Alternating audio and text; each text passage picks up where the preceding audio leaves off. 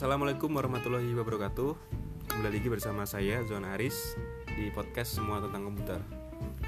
Di episode kali ini Episode ke 17 Saya akan berbagi Atau saya ingin membahas Tentang topik jenis-jenis pekerjaan Di bidang IT Atau di bidang teknologi informasi.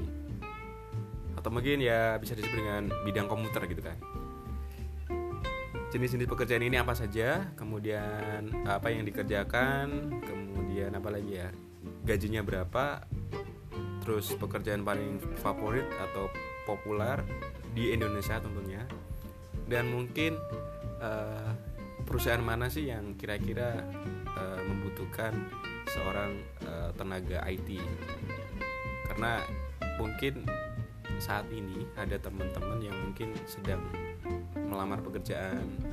Atau mungkin saat ini masih kuliah di bidang IT atau ilmu ilmu komputer ya fasilkom misalnya dan saat ini mas uh, sedang menempuh skripsi dan akan lulus. Dan sedang bingung mencari kira-kira nanti setelah lulus mau jadi apa atau mau bekerja di mana. Di sini saya akan membaginya. Uh, semoga informasi ini bermanfaat dan tentunya uh, informasi ini saya bagikan berdasarkan pengalaman pribadi tentunya. Kemudian juga saya komparasi atau saya mixing ya mix. Saya juga referensi dari beberapa internet di sumber internet. Dan beberapa pandangan saya terhadap perusahaan-perusahaan yang menurut saya membutuhkan tenaga IT. Oke, kita mulai dari jenis pekerjaan yang pertama yang paling basic ya. Jadi kalau uh, saat ini pernah mendengar istilah web developer. Pastinya teman-teman yang di bidang ilmu komputer pasti pernah mendengar istilah ini ya web developer. Jadi web developer ini adalah merupakan salah satu pekerjaan yang populer saat ini ya di dunia IT tapi sebenarnya apa sih yang dikerjakan oleh web developer ini? Jadi web developer web developer ini secara pekerjaan ini ada tiga jenis ya atau tiga divisi atau tiga bagian di dalam web developer ini. Yang pertama itu ada front end developer kemudian ada back end developer dan yang terakhir adalah full stack developer. Kita mulai dari pembahasan tentang front end developer ya end developer ini bertanggung jawab untuk membangun uh, bagian interface atau antarmuka dari sisi user atau istilahnya UI-nya ya untuk user interface. Dan untuk bisa menjadi seorang front end developer uh, Anda harus bisa memahami tentang bagaimana menggunakan sebuah apa namanya uh, bahasa bahasa pemrograman di dalam web ya. Seperti HTML, CSS dan JavaScript. Itu yang perlu dikuasai. Kemudian uh, tentunya yang sekarang sedang uh, banyak sekali adalah framework di di bidang front end ini seperti front framework uh, seperti apa ya CSS itu seperti Bootstrap kemudian Vue.js React kemudian AngularJS dan semuanya itu uh, disediakan sebagai framework supaya membantu pekerjaan seorang front end developer. Nah, jadi itu teman-teman kalau ingin menjadi seorang front end tadi harus bisa memahami atau bisa menggunakan tiga tool utama yaitu HTML, CSS, dan JavaScript. Kemudian untuk back end developer. Jadi setelah front end kita ke back end. Ini kebalikannya dari front end yaitu uh, pekerjaan seorang back end developer ini adalah mengurusi semua kebutuhan di bagian server dan proses pengolahan data di database. Jadi untuk menjadi seorang back end developer ini uh, harus bisa menguasai uh, bahasa pemrograman seperti PHP, Python, Node.js, dan beberapa pemrograman yang digunakan oleh uh, back end developer. Jadi untuk menjadi seorang back end kita perlu bisa belajar tentang bahasa pemrograman seperti PHP, Python dan Node.js itu. dan itu ada banyak kalau di website kalau sekarang ya banyak sekali ya bahasa kemudian yang terakhir adalah dari web developer itu kan tadi ada front end kemudian ada back end. Nah yang terakhir itu adalah gabungan dari dua-duanya kedua-duanya yaitu full stack developer. Ini adalah pekerjaan yang uh, dia itu bertanggung jawab dari sisi depan atau sisi user interface itu. Kemudian juga termasuk juga di sisi belakang atau sisi server secara bersamaan. Atau ya tadi gabungan antara front end dan back end Nah, untuk bisa menjadi seorang full stack developer berarti kedua uh, apa namanya? Kedua jenis tadi yang front end sama back end itu harus dikuasai.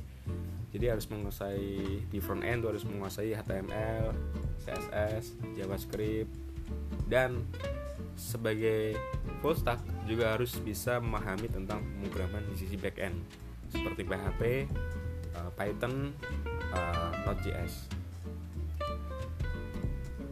Kemudian berapa sih gaji seorang web developer? Ngomongin soal gaji ya.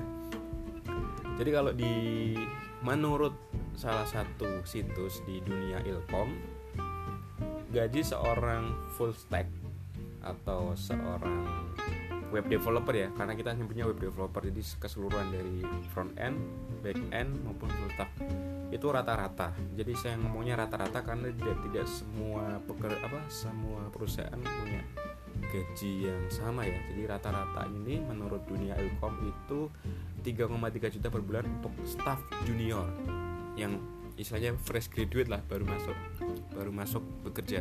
Tapi mungkin nanti kalau sudah medium dan jadi senior akan mungkin lebih gajinya lebih tinggi daripada uh, junior. Jadi untuk mulai start awal seorang staff juniornya itu digaji 3,3 juta. Itu tadi yang meng, uh, jenis pertama ya. Ini baru web developer.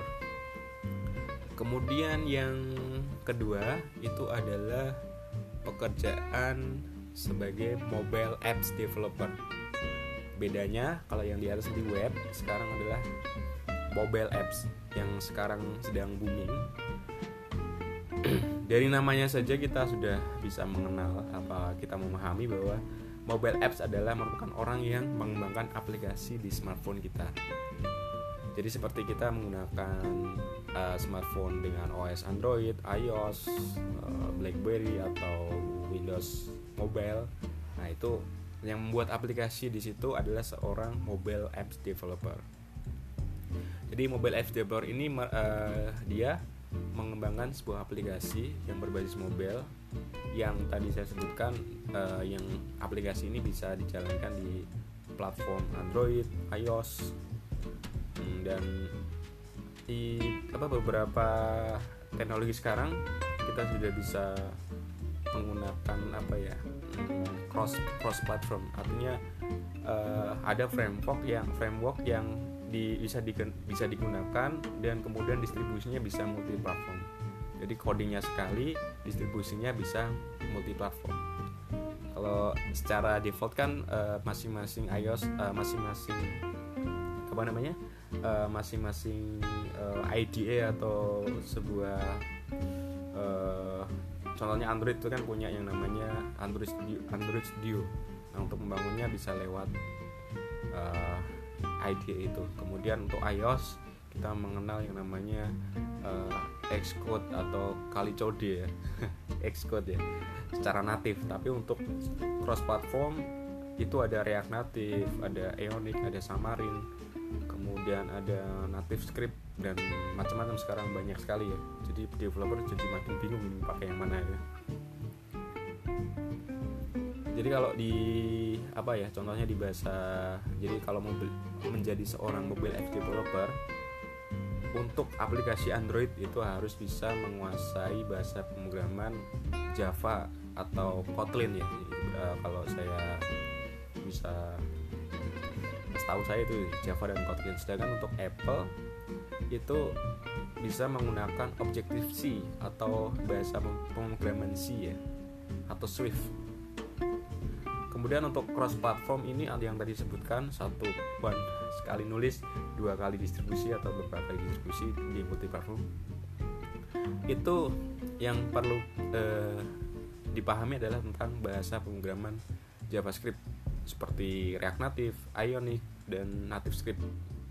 Sedangkan untuk yang Native Script, eh Native Script, sedangkan dengan apa tadi eh, Xamarin itu menggunakan C Sharp atau C Crash gitu ya.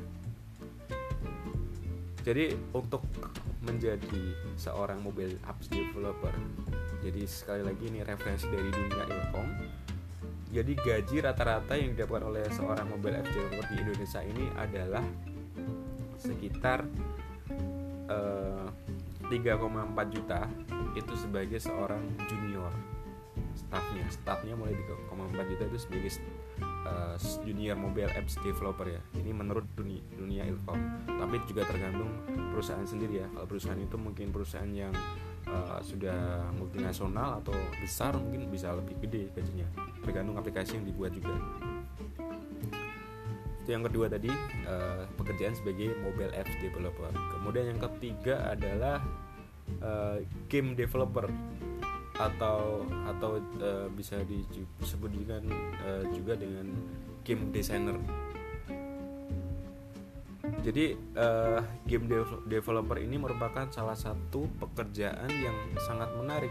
Jadi anda jika jika anda jika kamu ingin membuat atau berkarya dengan game untuk mengembangkan game uh, contohnya game 3D yang sekarang lagi booming gitu kan game 3D atau apa namanya uh, itu ada game engine-nya atau ibaratnya kalau di pemrograman tadi kan ada frameworknya. Jadi kalau di game ini ada yang namanya game engine seperti Unity, Unreal uh, dan apa ya dan Panda 3D atau sebuah aplikasi yang itu untuk membangun sebuah uh, game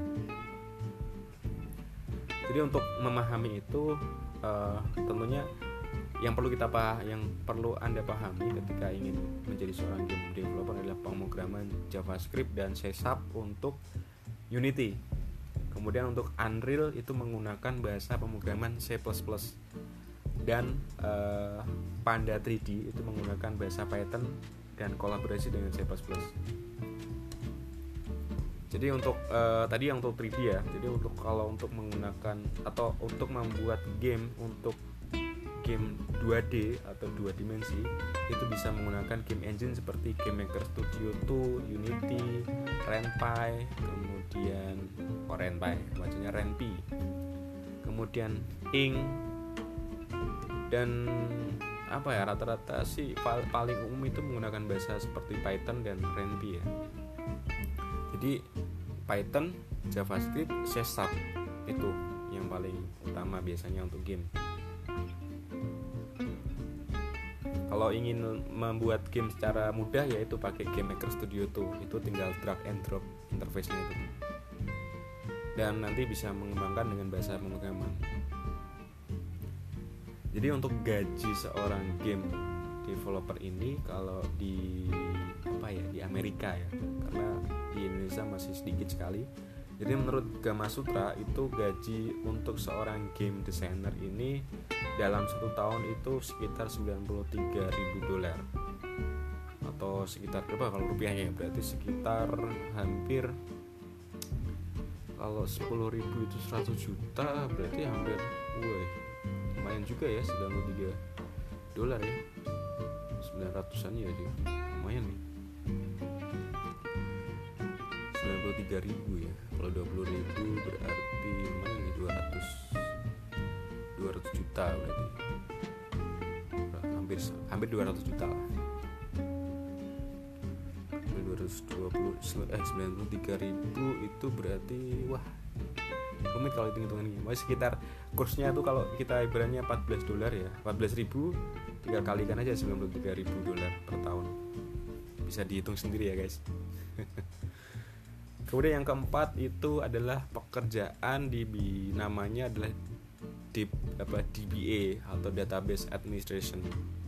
Jadi kalau kalian menyukai pekerjaan yang berurusan dengan database maka DBA ini akan cocok ya karena pekerjaan ini mempunyai tanggung jawab mendefinisikan uh, tentang apa ya pola struktur database jadi bagaimana sebuah data itu disimpan dengan strukturnya dan bagaimana metode aksesnya itu serta bagaimana membuat kita mem, apa, membuat role akses kepada user untuk mengakses data.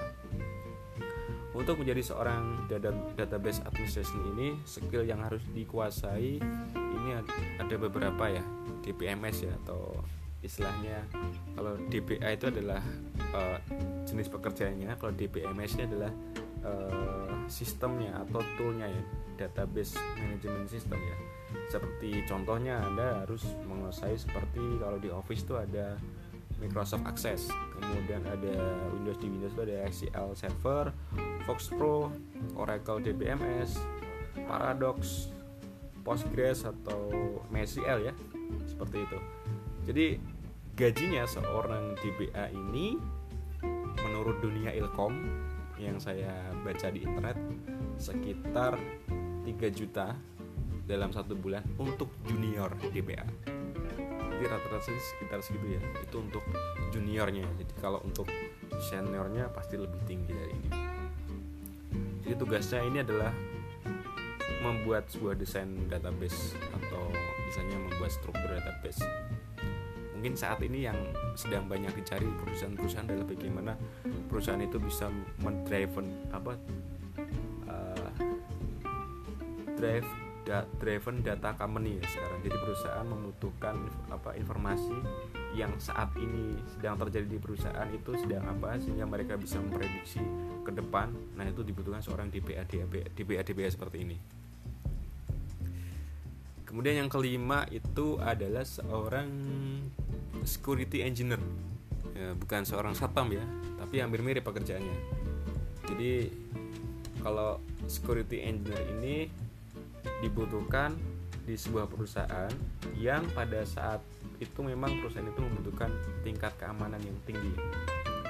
Uh, seorang security engineer ini akan mengurusi masalah-masalah security baik itu di network di sistem maupun di aplikasi.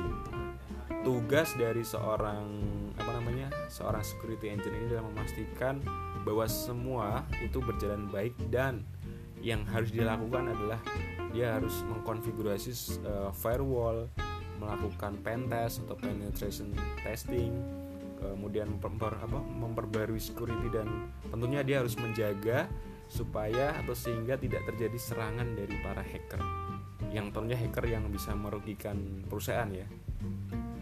Nah, untuk menjadi seorang security engineer ini Anda harus memiliki skill yang berhubungan dengan keamanan sistem. Yang pastinya orang-orang yang terbiasa dengan Linux dan mungkin bisa yang sudah yang bisa mengkonfigurasi server menggunakan tool-tool penetration test seperti apa ya contohnya kalau penetration test itu seperti uh, kalau di Linux itu apa ya istilahnya? Kali Linux. Atau yang dulu saya pernah menggunakan tuh Wireshark ya. jadi untuk menganalisa atau forensik sebuah uh, apa namanya uh, komunikasi data jaringan. Ada yang sebutnya dengan apa ya asu uh, aku asunetic net sparker gaji seorang security engineer ini di apa ya menurut menurut dunia ilkom itu uh, rata-rata 3,2 juta per bulan. Itu di Indonesia ya. Kalau di luar negeri pasti lebih tinggi. Ini karena standarnya masing-masing kota itu berbeda jadi untuk uh, patokan gaji ini tidak bisa menjadi patokan utama. Jadi ini sebagai gambaran saja. Jadi seorang security kalau teman-teman ingin menjadi seorang security engineer yang tadi harus bisa mengkonfigurasi uh, terbiasa dengan Linux kemudian uh, menggunakan salah satu tool-tool penetration test dan tentunya bisa apa namanya uh, menganalisa atau melakukan uh, riset terhadap uh, tindakan atau um, apa ya tindakan preventif atau pencegahan. Jadi memper, mempersiapkan uh, sebuah konfigurasi untuk mencegah uh, suatu serangan gitu itu jangan diserang dulu baru baru diamankan. Jadi harus bisa menjadi uh, prevention apa prevention preven pencegahan di awal sebelum sesuatu itu terjadi. Nah ini yang menarik ini karena saya juga pernah menjadi seorang ini ya jenis pekerjaannya yaitu sebagai sistem analis sistem analis ini biasa disebut dengan uh, juga disebut dengan seorang analis ya. Yang tanggung jawabnya ini adalah mendefinisikan kebutuhan user. Jadi seorang sistem analis ini dia harus bisa menyusun solusi yang efektif.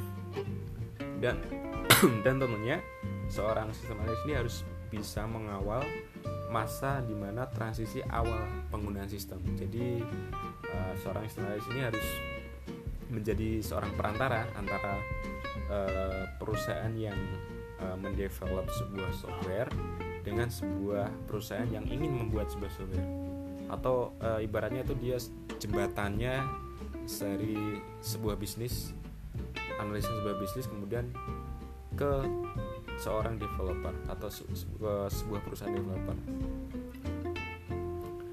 Jadi sistem analis analis ini selain dia mendefinisikan sebuah apa kebutuhan user, dia juga harus bertanggung jawab atas analisis biaya pengembangan. Jadi menghitung cost atau biaya pengembangan sebuah software, kemudian menentukan timeline, kemudian termasuk dengan desain dan pengembangannya. Nah, untuk menjadi seorang sistem analis ini dan bisa menampilkan hasil dari analisa yang dilakukan, tools yang perlu dikuasai itu seperti Microsoft Excel. Itu wajib ya karena Excel itu uh, segala macam kalkulasi dan perhitungan bisa dilakukan di Excel. Kemudian bisa membuat sebuah diagram. Kalau di Windows, Microsoft itu ada Microsoft Visio dan tentunya apa ya? Kalau sekarang kan kita berbasis kita bisa menggunakan software berbasis cloud ya.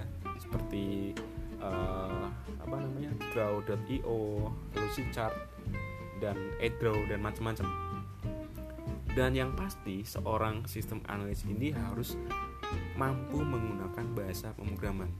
Supaya apa? Supaya dia bisa berkomunikasi dengan engineer. Nah baik itu di mobile maupun di web. Jadi harus bisa menguasai uh, bahasa tersebut.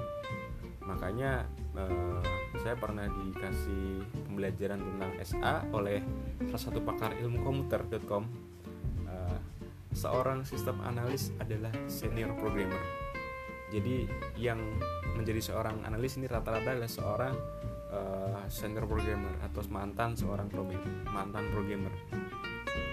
Rata-rata gaji seorang sistem analis ini uh, yang berpengalaman itu tentunya uh, staff yang junior ya itu sekitar 4 juta per bulan itu menurut My Job Street jadi menurut My Job Street itu gaji seorang sistem analis ini sebagai seorang staff junior itu di angka 4 juta per bulan jadi gambarannya seperti itu Nah, yang ketujuh adalah jenis pekerjaan sebagai UI atau UX designer.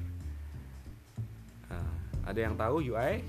Nah, UI ini adalah bagaimana sebuah produk atau suatu produk yang kita buat itu terlihat seperti apa yang bisa dilihat oleh mata, memvisu memvisualisasikan sebuah produk.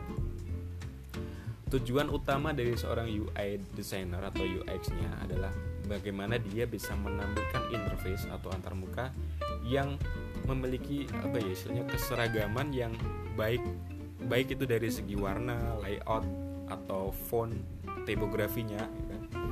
sementara uh, eh, UX-nya atau user experience adalah proses untuk uh, membuat produk yang sudah dibuat jadi produk yang sudah jadi menjadi mudah digunakan.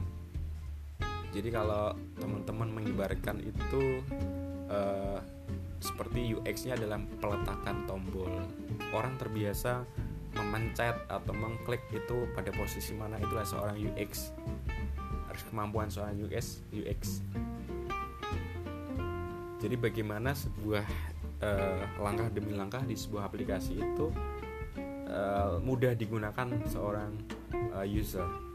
Jadi ibaratnya itu tanpa harus dikasih training user itu bisa menggunakan aplikasi itu secara mudah. Nah itu tugas utama seorang UX kalau UI nya adalah bagaimana memadukan sebuah warna kemudian font warna apa font dan layout ya atau gambar. Nah seorang UX atau UI ini desainer itu gaji yang didapatkan itu sekitar empat setengah juta per bulan untuk untuk junior. Ini berdasarkan situs indeed.com jadi bisa dicek di situ.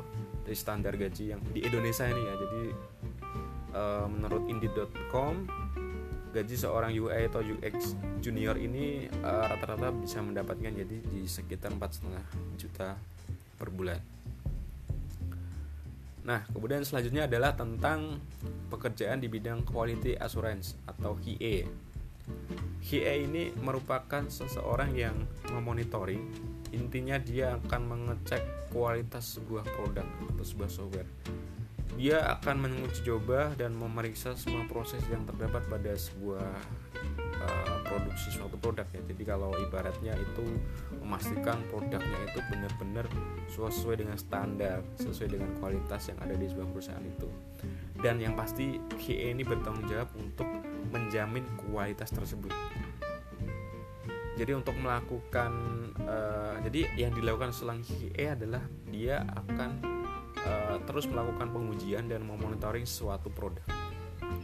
Gaji seorang U, apa gaji seorang HIE di Indonesia ini ya kalau dia um, entry level atau masuk sebagai staff junior menurut My Job Street adalah uh, gaji yang diterima adalah 3,2 juta itu menurut My Job Street.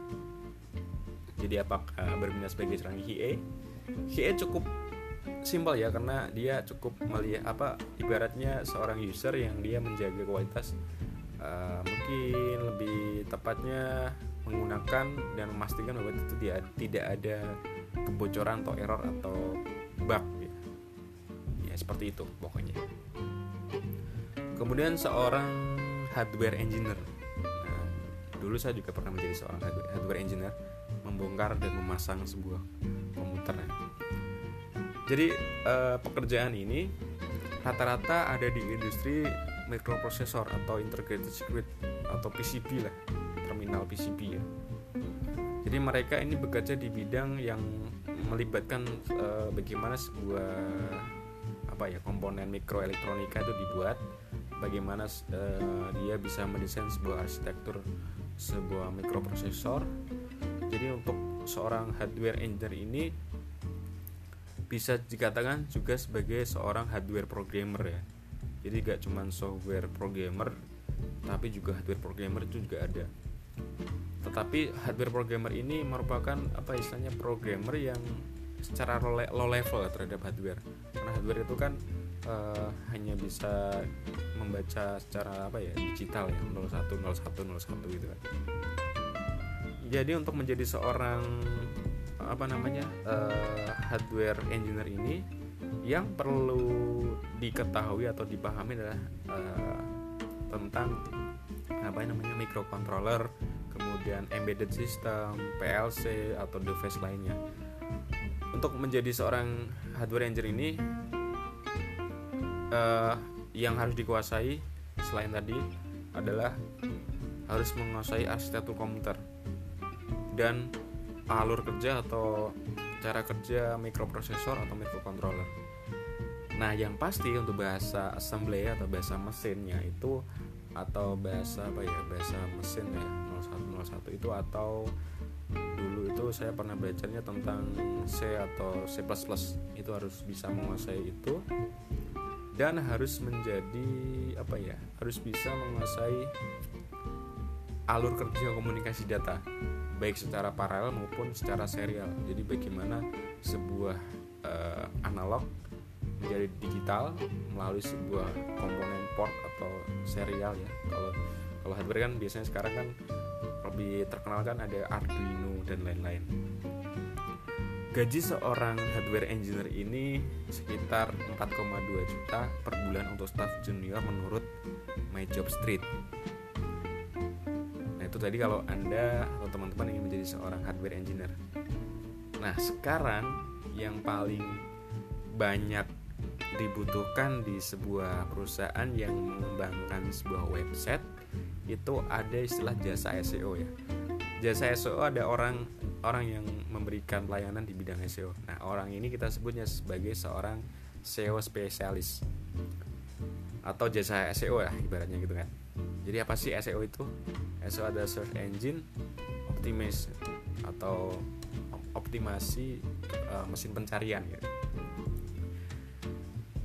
Jadi teknik SEO yang tepat untuk meningkatkan jumlah pengunjung ke website ini dengan cara jadi uh, bagaimana seorang SEO spesialis ini dapat memposisikan web atau halaman web ini pada posisi tertinggi di dalam hasil pencarian sebuah mesin pencari atau istilahnya SERP ya search engine.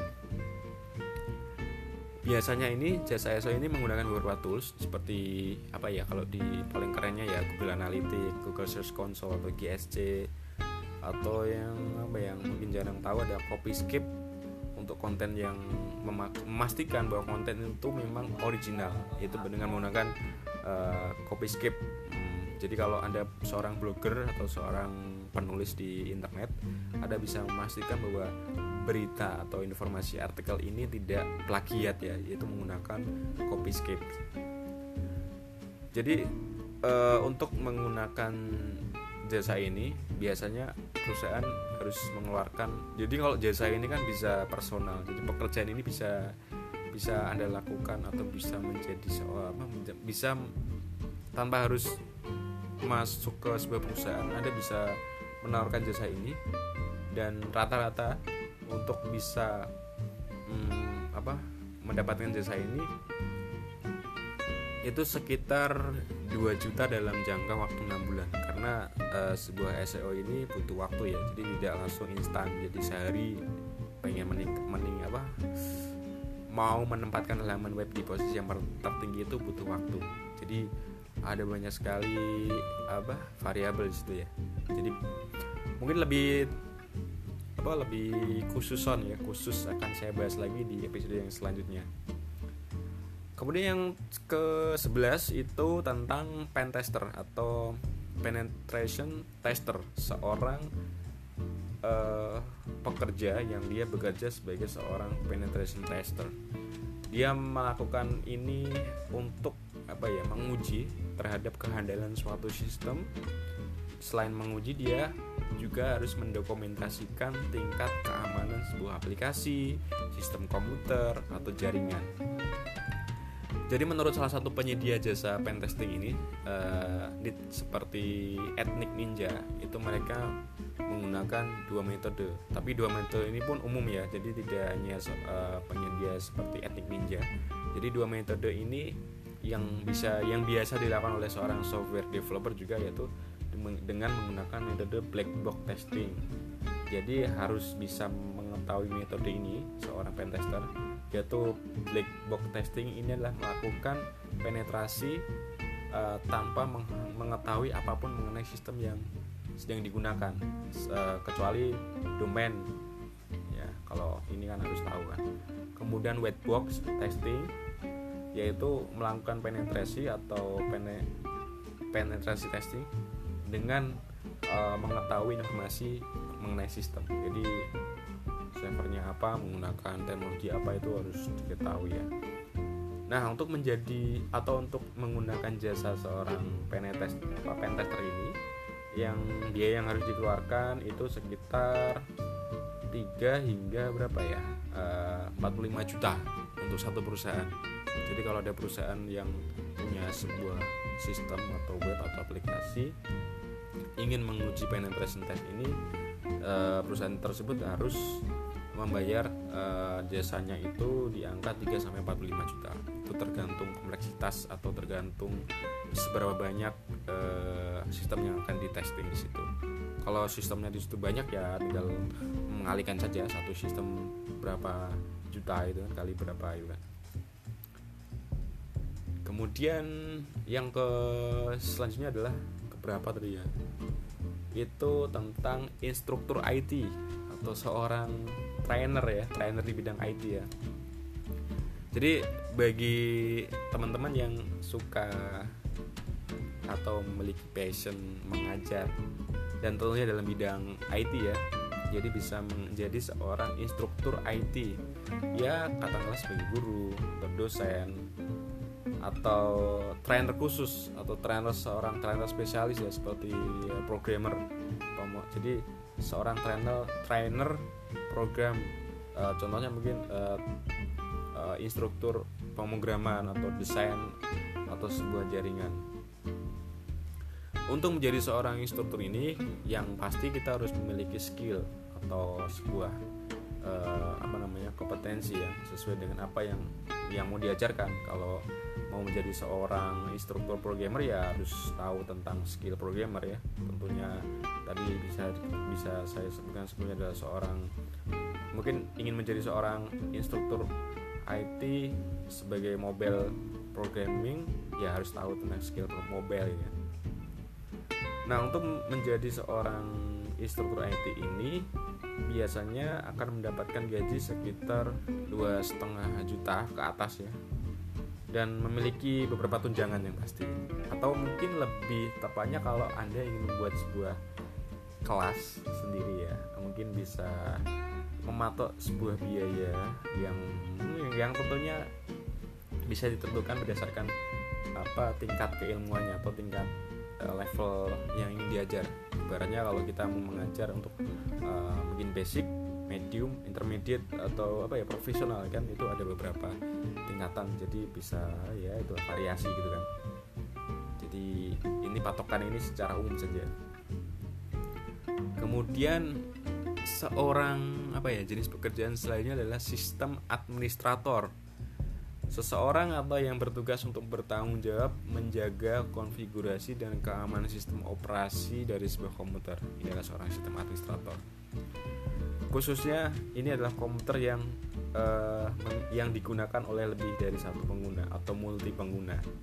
Ya ibaratnya server kan. Server itu kan melayani semua klien. Jadi server ini harus uh, dijaga karena dia seorang server pelayan kan harus bisa apa namanya uh, menjaga kondisi server stamina nya supaya dia terjaga dari ancaman. Untuk menjadi seorang SA atau sistem administrator yang harus diketahui atau ilmu dasarnya adalah tentang apa ya lebih ke Linux sih karena Linux ini lebih banyak digunakan untuk server-server ya. Linux atau Unix lah.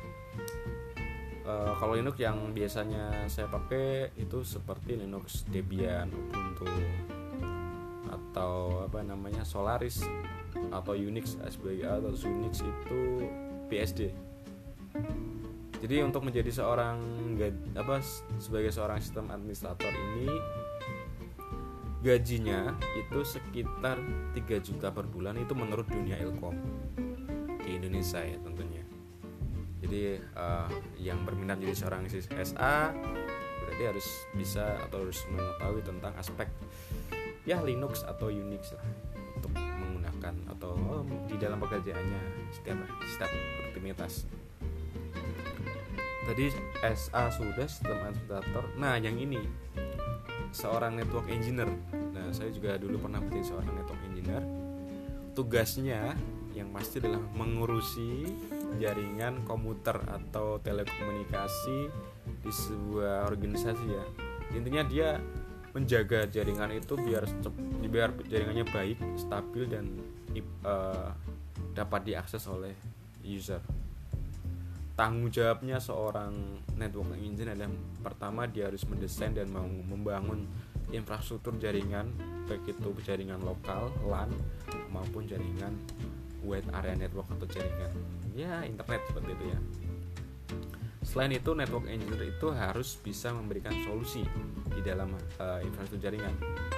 Baik dalam solusi apa ya uh, implementasi peralatan perangkat yang digunakan kemudian efisiensi reliability keamanan security ya dan aspek-aspek lain yang terkait. Jadi kalau mau bikin sebuah jaringan baru di kantor kan seorang network engineer harus bisa mendesain sebuah topologi terus bagaimana aliran jaringan dari komputer 1, 2, 3, 4 atau mungkin punya banyak sekali node-node atau klien-klien dan mereka harus bisa menghitung atau melakukan network configuration lah istilahnya begitu. Gaji seorang network engineer ini sekitar 3,2 juta per bulan menurut dunia ilkom. Dan gaji ya ini gaji tergantung perusahaan sih. Kalau memang uh, perusahaan itu mungkin besar atau enterprise ya mungkin lebih multinasional bisa saja network engineer ini mulai gaji yang tinggi tergantung beban pekerjaan atau tanggung jawabnya. Nah yang paling basic sekali selanjutnya adalah seorang sistem support atau technical support. Technical support atau yang disebut dengan TS itu wah ini dia harus bisa benar-benar membantu seorang user bagaimana user ketika mengalami kendala atau gangguan seorang technical support harus bisa membantu user tersebut sampai solve atau sampai tersolusikan. Jadi sehari-harinya yang dikerjakan seorang technical support itu adalah dia harus memelihara sistem komputer baik itu softwarenya kemudian hardwarenya yang sedang atau yang sedang berjalan. Tanggung jawab yang penting adalah bagaimana seorang technical support ini memelihara dan memastikan sistem ini berjalan dengan baik. Jadi ya ada sedihnya juga ya karena technical support ini akan dicari seorang user ketika user itu mengalami kendala. Tetapi kalau tidak ada kendala ya dilupakan seperti itu. Kemudian apa lagi ya? Uh, selain menjaga dan memelihara si sistem support ini juga memberikan apa ya guidance atau uh, panduan kepada user melakukan troubleshooting dan juga melakukan perbaikan dan juga melakukan pelatihan juga terhadap pengguna itu sistem. Gaji rata-rata seorang technical support ini digaji uh, antara 2 juta 3 juta per bulan itu untuk fresh graduate. Itu menurut my job street. My job street jadi kurang lebih jenis-jenis pekerjaan yang saya sampaikan itu semuanya ada di bidang teknologi informasi. Jadi kalian mau pilih yang mana kan harus uh, ya setidaknya mengikuti passion ya. Jadi IT itu sangat luas. Jadi tidak hanya di bidang perusahaan yang bergerak di bidang IT di luar bidang IT pun perusahaan itu juga membutuhkan seorang tenaga IT tetapi mungkin lebih spesifik di dalam sebuah perusahaan yang tidak bergerak di bidang IT seorang tenaga IT yang dibutuhkan adalah seorang technical support. Karena tujuannya adalah menjaga sistem atau memelihara sistem yang sudah berjalan untuk sebuah bisnis atau sebuah apa namanya uh, sistem yang dijalankan agar dapat berjalan dengan baik. Tetapi kalau seorang uh, perusahaan yang memang itu di bidang IT tentunya mungkin di bidang software pasti akan membutuhkan berbagai macam tenaga. Yang tadi sempat saya sebutkan dari seorang web developer, mobile apps developer, UI, UX, database, designer dan lain-lain. Itu macam-macam ya banyak sekali. Jadi itu yang ingin saya bagikan untuk pekerjaan-pekerjaan yang di bidang IT kalian mau pilih yang mana bisa tentukan uh, mungkin ada yang belum saya sebutkan di beberapa jenis ini kalau mungkin teman-teman yang mendengarkan ini mau bertanya tentang sebenarnya saya cocoknya di kerjaan apa sih masnya jadi nanti silahkan saja bertanya atau komentar di Insta Instagram saya di @zonaris atau email di zonaris@gmail.com atau di Twitter @zonaris. Jadi sekian dulu uh, podcast saya untuk kali ini. Dan apabila uh, ada kesalahan dalam hal mengucap atau ya mungkin menyampaikan informasi saya mohon maaf. Dan semoga ilmu, ilmu ini atau informasi ini bermanfaat bagi anda dan teman-teman sekalian ya. Terima kasih. Wassalamualaikum warahmatullahi wabarakatuh